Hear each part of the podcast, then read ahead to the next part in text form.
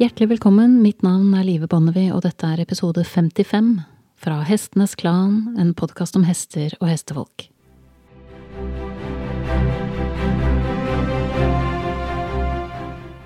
I litteraturen, som er noe jeg som forfatter stadig forholder meg til, så har vi noe vi kaller et utvidet øyeblikk. Et utvidet øyeblikk innebærer at vi skildrer en scene i en novelle eller en roman svært grundig, og gjerne ved å ta flere sanser i bruk enn det vi normalt gjør. Sanser som syn, lukt, hørsel, berøring. Og i filmens verden, der jeg også befinner meg en del som både produsent og utviklingsprodusent, så opererer vi med utvidet øyeblikk, og vi viser gjerne at de er utvidet ved å avspille dem i sakte film. Det interessante er at slike øyeblikk, der flere sanser tas i bruk og ting avspilles i sakte film, også dukker opp på en tredje arena i mitt liv, nemlig når jeg driver med hest. Når jeg skildrer disse øyeblikkene i podkasten, så har jeg gjerne kalt dem moments of zen, men jeg har tenkt en del på at det hadde vært riktigere å kalle dem for utvidende øyeblikk for det er øyeblikk som kjennetegnes ved at vi får mulighet til å fange opp noe som er vesentlig større enn det vi først så med det blotte øyet. Et utvidende øyeblikk etterfølges typisk av en fornemmelse. Er det noe jeg har gått glipp av her? Noe vesentlig? Noe grunnleggende og stort? Noe som i verste fall rokker ved alt eller mye av det jeg tidligere har trodd på eller støttet meg til? For det er viktig å være klar over at når et utvidende øyeblikk inntreffer, så har du et valg. Filmen The Matrix er fortsatt en av mine beste referanser når et potensielt utvidende øyeblikk skal beskrives. Jeg snakker om øyeblikket der hovedpersonen Neo får valget mellom å ta den røde eller den blå pillen. Den røde pillen lover frihet og sannhet, men fordi friheten alltid stiller krav til ansvar og sannheten kan være brutal, så ligger det i kortene at fremtiden den røde pillen tilbyr er usikker og at dette vil bli en krevende, smertefull og ubehagelig vei å gå, i alle fall for en stund. Den blå pillen, derimot, lover en forutsigbar fremtid, som ligner det glansbildet man har vært med på å lage selv. Livet etter den blå pillen er fritt for overraskelser, og som de tørt konstaterer i filmen, uvitenhet er en velsignelse. Og det er mye sant i det. Jo mindre du vet, jo lettere er det som kjent å konkludere. Det er en kjensgjerning at jo mer du lærer om hest, jo mindre skjønner du at du kan. Det kan lyde som et paradoks, men hvis man bruker astronomien, vitenskapen om himmellegemene og verdensrommet som en metafor, så er det lett å innse at det ville vært helt umulig å ta inn over seg hvor ubegripelig stort universet er, med mindre man vet litt om det. Slik er det med hester også. Jeg har aldri vært så god til å ri som da jeg var 13 år gammel, og jeg vil trolig aldri bli like god til å ri igjen. Da hadde jeg akkurat skjønt nok og tikket av nok bokser til å innbille meg selv at jeg var utlært. Litt som å se opp på stjernehimmelen og tro at det du ser med det blotte øyet, er det hele. Og så er det bare toppen av isfjellet, og knapt nok det. Når et potensielt utvidende øyeblikk dukker opp, kan du altså velge å ignorere det, eller du kan velge å betrakte det med åpenhet, nysgjerrighet, og ikke minst betrakte det med mot. For det krever mot å se gamle ting med nye øyne, er min erfaring. Det krever mot å innse at man har tråkket feil, selv om man forsøkte å gjøre alt rett. Og ikke minst er det ubehagelig og noen ganger også smertefullt å måtte erkjenne at noen andre, typisk hesten din, kanskje har måttet betale prisen for dine feil. Ikke dermed sagt at ikke det er lov å prøve og feile. Det er det livet handler om, og det livet er bygget opp av. Det er langt mer viktig at vi lærer av feilene våre, og at vi aldri slutter å utfordre oss selv. Jeg har selv nettopp hatt et utvidende øyeblikk med min egen hest. Jeg har allerede fra start tatt en del andre valg med ham enn jeg gjorde med min første hest. Da jeg kjøpte min første hest som 17-åring, så gjorde jeg for det meste det andre fortalte at jeg skulle gjøre. Det var tidlig i min karriere som rytter, og jeg søkte råd og fikk også råd kastet etter meg, av både etablerte trenere og selvutnevnte eksperter og jeg red i og for seg opp en islandshest fra å kunne lite til å bli en gangsatt hest det var mulig å konkurrere og hevde seg med, men jeg ville bare aldri ridde opp en hest på samme måte en gang til. Og på det tidspunktet da jeg kjøpte hest nummer to, så var det mye som var annerledes. Jeg var ikke engang sikker på om jeg noen gang kom til å ri ham. Jeg hadde mellom mine to hester tilbrakt flere år på å ri andres hester og se deltakere på ulike kurs bale med ulike utfordringer. og det var noen tog som gikk for godt de årene. Det å sette seg opp på en hvilken som helst hest og ri den som om det var det mest selvfølgelige ting i verden, er også i ferd med å bli et slikt tog. Med hvilken rett, har jeg tenkt, med hvilken rett kan jeg sette meg opp på et dyr jeg ikke kjenner og kreve at jeg skal bære meg, det faller meg ikke lenger naturlig. Jeg må ha en grunn til å ri andres hester. En god grunn, og grunnen må være større enn meg selv.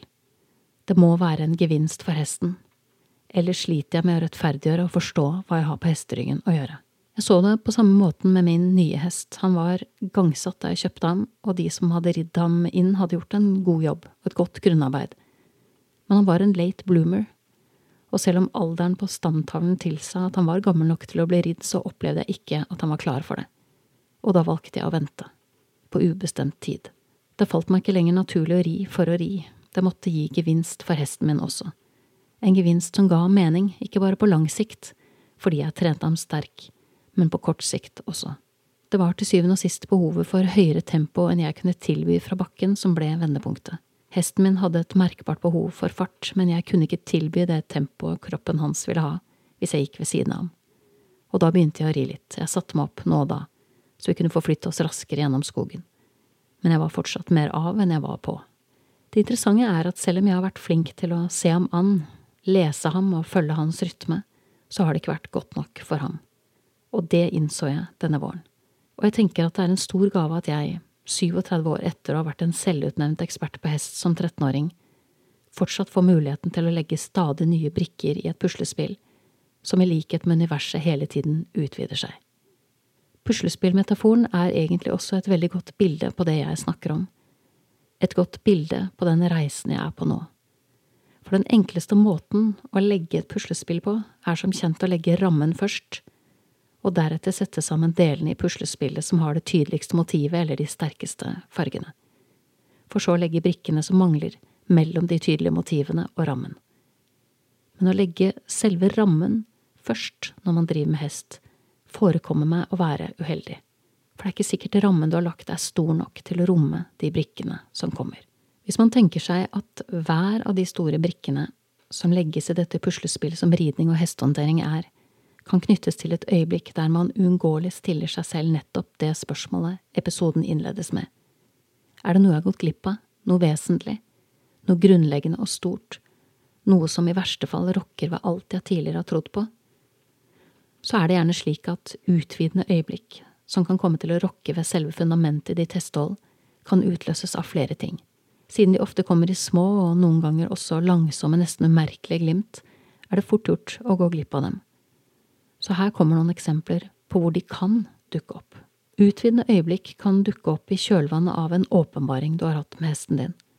Slik jeg beskriver mitt personlige øyeblikk i en nyinnspilt og redigert Moment of Zen nummer fem i episode 22.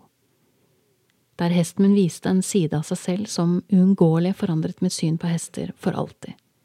For meg var det et mildt og fint øyeblikk der og da, men erkjennelsen som fulgte, der jeg innså hvor lite jeg visste om min egen hest, sved i mange år etterpå. Hvordan kunne jeg, som ville hesten min så vel, ha vært så blind på så mange områder så lenge? Et utvidende øyeblikk kan også utløses av at hesten din gjør noe som setter en støkk i deg. Et spark eller et bitt du ikke så komme. En atferd du ikke kan forklare. Og siden atferden er så uttalt og så uforståelig, så tvinges du til å se en gang til. Alternativt kan du selvsagt velge øyeblikket borte og slå deg til ro med at hester av og til gjør uforklarlige ting helt av seg selv, at de agerer ut fra instinkter, at de reagerer som dyr, at det er sånt som skjer, og at det ikke har noen ting med deg å gjøre. Det er bare én liten hake. Hester utøver aldri en ubegrunnet atferd. Et utvidende øyeblikk kan også utløses av et fall fra hesteryggen, der du slår deg godt og grundig og blir liggende og spytte gress eller sand uten fullt ut å forstå verken hva som hendte eller hvorfor. Det eneste du er sikker på, er at du må unngå at det noen gang skjer igjen, for du vil ikke bli alvorlig skadet eller risikere å miste livet. Marginene kjennes plutselig litt for små. Ikke så rent sjelden kan øyeblikk som dette kjennes ut som en forbannelse i første runde, fordi du blir skremt, utrygg eller redd. I verste fall får du den berømte skrekken, og den kan være lei og riste av seg igjen men dersom du er åpen og fleksibel i tankegangen, kan dette øyeblikket likevel vise seg å være en velsignelse i forkledning. Og ikke minst kan det være en nyttig påminnelse om at hesten din har det akkurat sånn som dette stadig vekk. Han er utrygg, redd, eller har fått skrekken for noe. Det syns ikke alltid så godt på utsiden på noen av dere, men det er der like fullt. Og det kan være greit å ha erfart hvordan det kjennes ut, og hvordan man kan komme sterkere ut av det. Men det vanligste utvidende øyeblikket jeg har sett, vokser gjerne ut av at du plutselig sitter der med en hest du ikke fullt ut forstår og eller mestrer. Og i motsetning til tidligere plager det deg denne gangen. Du har kanskje solgt hester som du ikke har fått til før dette, men denne hesten får du deg ikke til å selge. Det kjennes umulig. Og så sitter du der plutselig med en hest som ikke responderer som forventet. En hest som fremstår som en gåte du ikke klarer å løse, eller kanskje du ganske enkelt har fått hendene på en av de få hestene som ikke bøyer av og gir etter for press, manipulering eller andre triks du har i ermet. Triks du allerede har brukt, med gode resultater over flere år. Du har fått en hest som står på sitt og krever mer av deg enn du er i stand til å gi. En hest som lokker deg til å lete etter bedre svar andre steder. En hest som stiller spørsmål ved selve fundamentet i ditt hestehold. En hest som tvinger deg til å spørre deg selv om hvem du egentlig er. Jeg har mistet tellingen over hvor mange hesteeiere av sistnevnte slaget jeg har møtt på kurs de siste 20 årene. De som er vant til medgjørlige hester som er følgere fra naturens side, men nå har kjøpt en hest som er en leder, og de fatter ikke hvordan de skal håndtere den. De er knapt nok i stand til å lede seg selv. Det alle disse potensielt utvidende øyeblikkene har til felles, er at de utfordrer deg om grunnfjellet du trodde du sto støtt på fortsatt er til å stole på og resultatet kan fort bli at du begynner å ifrågesette deg selv og alt du står for i forhold til hesten. Det kjennes sjelden så godt ut når den kognitive dissonansen skyller innover deg, men det er en gudbenådet mulighet for vekst, og en unik mulighet til å bli en bedre versjon av deg selv. Ikke bare som hestemenneske, men som menneske. Det som ofte forener disse utvidete øyeblikkene, er at du for første gang innser at du kanskje aldri fullt ut har sett lyttet til eller forstått din egen hest. Du har hatt et klart bilde av hvem hesten din er, hvem du er og hvem dere er sammen. Nå slår alt plutselig sprekker. Hvis du ikke har hesten din hjemme, begynner du kanskje omtrent på dette tidspunktet å tenke mer på hva slags liv hesten din lever når du ikke er på stallen. Hva du tilbyr hesten din i de noen og tyve timene i døgnet der han i praksis bare står og venter på at du skal finne det for godt å komme innom neste gang. For meg var det utvidete øyeblikket for mange år siden, da jeg innså at hesten min var mer enn jeg trodde han var, starten på en helt ny relasjon. At hesten min var en hest, var ingen banebrytende erkjennelse, men emosjonelt sett viste det seg å være nettopp det, banebrytende. For jeg hadde ikke fullt ut tatt inn over meg at hesten min hadde et eget liv mellom gangene jeg var i stallen. Og jeg ble i forlengelsen av denne erkjennelsen veldig opptatt av hva slags liv jeg tilbød ham. Med et stadig økende fokus på hestens velferd har vi brukt mye tid på å diskutere faktorene på utsiden. Miljøet til hesten. Står den ute eller inne? Utstyret til hesten. Med eller uten bitt, med eller uten bom, med eller uten sko. Trening av hesten. Positiv forsterkning, negativ forsterkning, straff eller andre metoder. Og vi har gjerne også tatt noen mer eller mindre velfunderte valg på hestens vegne, ut fra vår overbevisning eller vårt ønske om å gi hesten et så godt liv som mulig. Hester har, som alle andre dyr, en lovfestet rett til egenverdi, uavhengig av den nytteverdien de måtte ha for oss. De skal, ifølge loven, også behandles godt og beskyttes mot fare for unødige påkjenninger og belastninger. Det er også et særskilt forbud mot å utøve vold mot dyr. I kraft av å være ryttere så er vi med andre ord allerede på syltynn is rent dyrevernsmessig, og det tenker jeg det er viktig at vi er bevisste og ærlige på. For meg så er det å tilbringe tid med hester en kontinuerlig reise uten et endelig mål. Litt som å gå i fjellet og hele tiden tro at du ser toppen litt lenger fremme, men etter hvert som du går videre oppover, dukker det stadig opp en ny topp litt lenger fremme, og en ny, og en ny, og enda en. Og det lever jeg godt med. Vi kan for all del lage oss mål når vi driver med hest, og det er det mange som gjør. De vil for eksempel mestre en bestemt øvelse til fingerspissene. Slidestop, piruett, vanngrav, flyvende pass, skoleskritt. De vil vinne en pokal, få en rosett, vinne respekt fra en mester, utfordre seg selv og hesten, lage milepæler, jobbe mot et konkret mål. For de fleste er VM og OL uoppnåelige størrelser, men det finnes muligheter for å måle seg med andre på alle nivåer i hestemiljøet. Og de fleste av oss driver med dette i en eller annen form. Og mål er bra, de gir oss retning og energi, men utfordringen er at det er lett å glemme å være fullt ut til stede under selve løpet. For hvis vi ser på hesteholdet som et faktisk løp, med start og mål, og et langt strekk mellom, så vil start være der vi kjøper hesten. Strekket mellom starten og målet vil være selve hesteholdet i hverdagen, og målet er slutten av løpet, som uunngåelig vil enten være salg av hesten eller avliving. Og jeg tenker at det er verdt å merke seg at det tar bare et øyeblikk å løpe ut fra start, og et øyeblikk å krysse mållinjen. Det er mellomrommet mellom start og mål det er mest av. Så når vi lager oss delmål, eller flere kortere løp inne i det lange løpet, er valget å sette målet og øyeblikket der man når det, den minste biten. Den lange biten er fortsatt veien mellom start og mål. Det er der du og hesten din tilbringer aller mest tid, og det er kvaliteten på den tiden som er tema for dagens episode.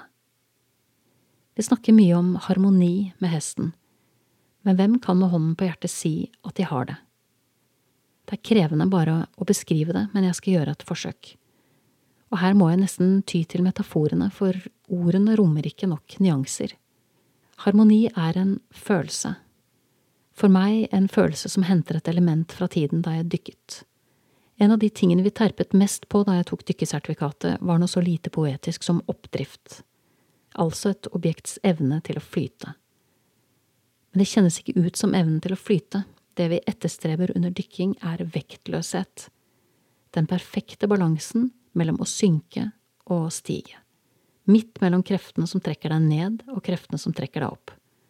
Og når du er der, i perfekt vektløshet, veier ingenting noe lenger. Og denne perfekte balansen mellom å synke og stige er veldig lik harmonien, slik jeg kjenner den med hest. Hesten kommer ikke til deg, men den trekker seg ikke unna heller. Den bare er, med deg, og ingenting veier noe. Den andre metaforen på harmoni er knyttet til musikk. Men det å ri er ikke som å spille et instrument.